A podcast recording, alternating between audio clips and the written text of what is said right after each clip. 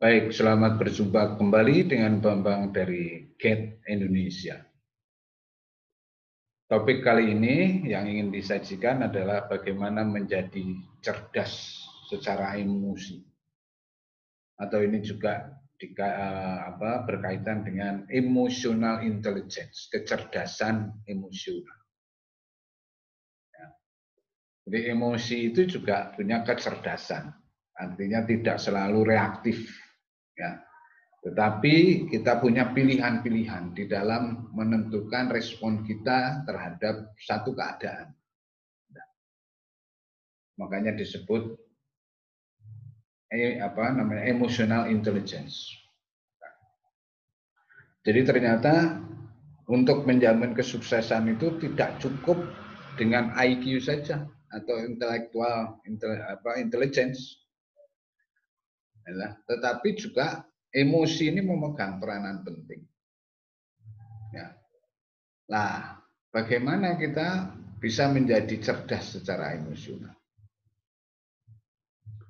Yang pertama ini adalah kita sendiri harus membuat diri kita ini lebih peka.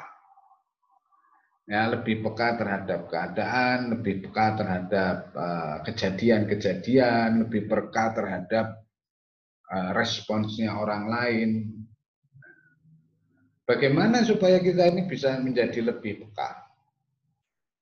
Nah, perhatikan perasaannya kita ini. Jadi kita peka sebelum peka terhadap keadaan, kita harus peka terhadap diri sendiri dulu. Jadi harus diperhatikan perasaannya kita mana yang membuat marah, mana yang tidak membuat marah, level marahnya kita itu seberapa, apa yang membuat marah, keadaan seperti apa yang bisa menimbulkan kemarahan, itu namanya kita memperhatikan perasaannya kita. Berikutnya itu adalah menyiapkan apa sih yang menjadi kelebihan dan kekurangan emosinya kita. Misalnya saya ini akan lebih sabar kalau itu berkaitan dengan sesuatu yang memang diperlukan. Itu saya bisa lebih sabar. Misalnya ada orang nyebrang, nenek-nenek atau orang tua gitu, saya sabar nunggu. Nah. Tapi kalau orang main sudak, suduk, sudak, suduk, emosi saya itu mudah keganggu itu.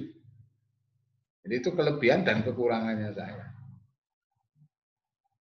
Nah, kita ini banyak di dalam di dalam diri kita ini berbagai emosi itu banyak. Makanya ingat bahwa emosi itu tidak terbatas, artinya banyak pilihan. Jadi bagaimana cerdas secara emosional, nomor satu adalah kita harus peka. Yang kedua, kita harus mempraktekkan bagaimana mengelola diri kita sendiri. Artinya mengelola emosi-emosi diri sendiri. Ya, coba misalnya coba cari cari teknik bagaimana mengeluarkan stres.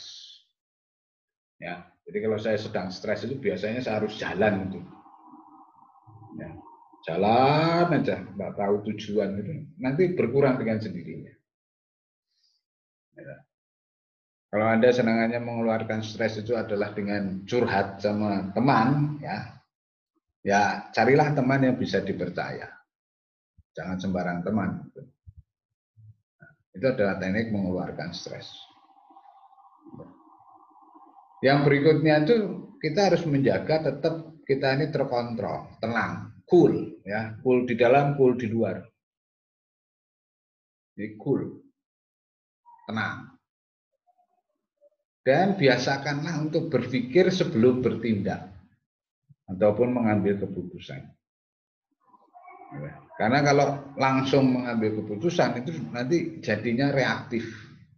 Nah, kalau kita reaktif itu dikontrol orang. Kalau dikontrol orang itu atau dikontrol keadaan. Kalau dikontrol keadaan itu kita lama-lama stres, stres, stroke, stroke mati.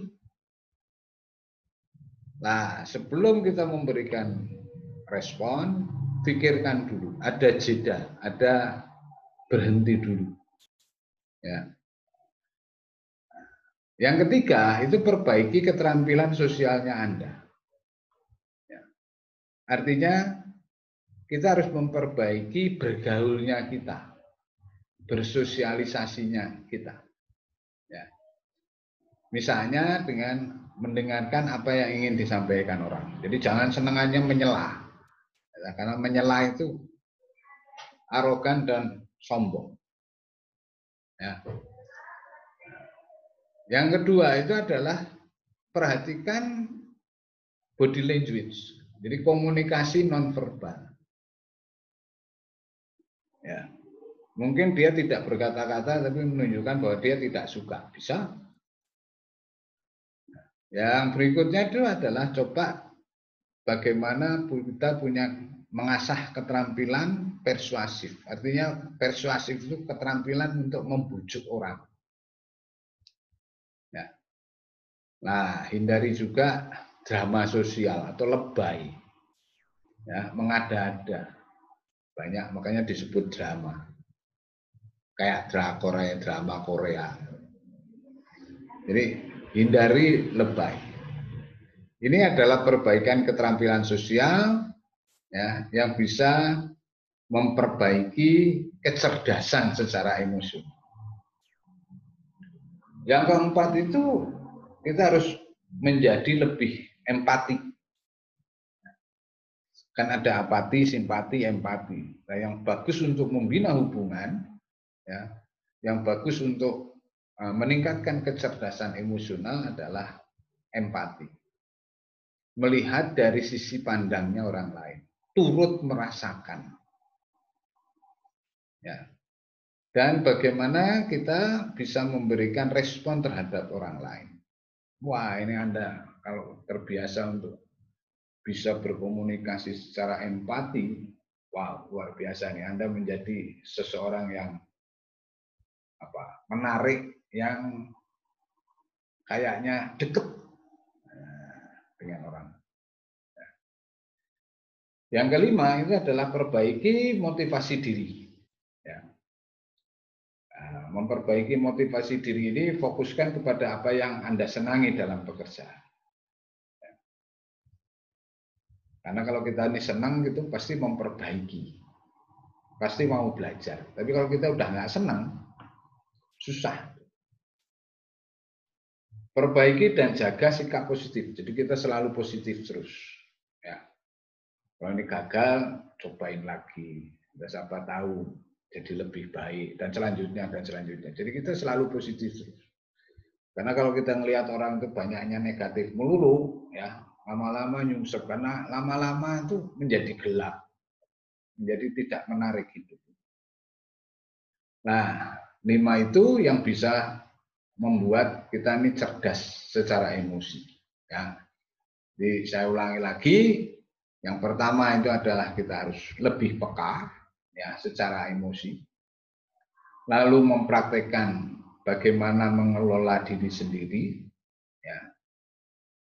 Yang ketiga itu adalah memperbaiki keterampilan sosialnya kita. Yang keempat itu adalah menjadi lebih empatik. Ya.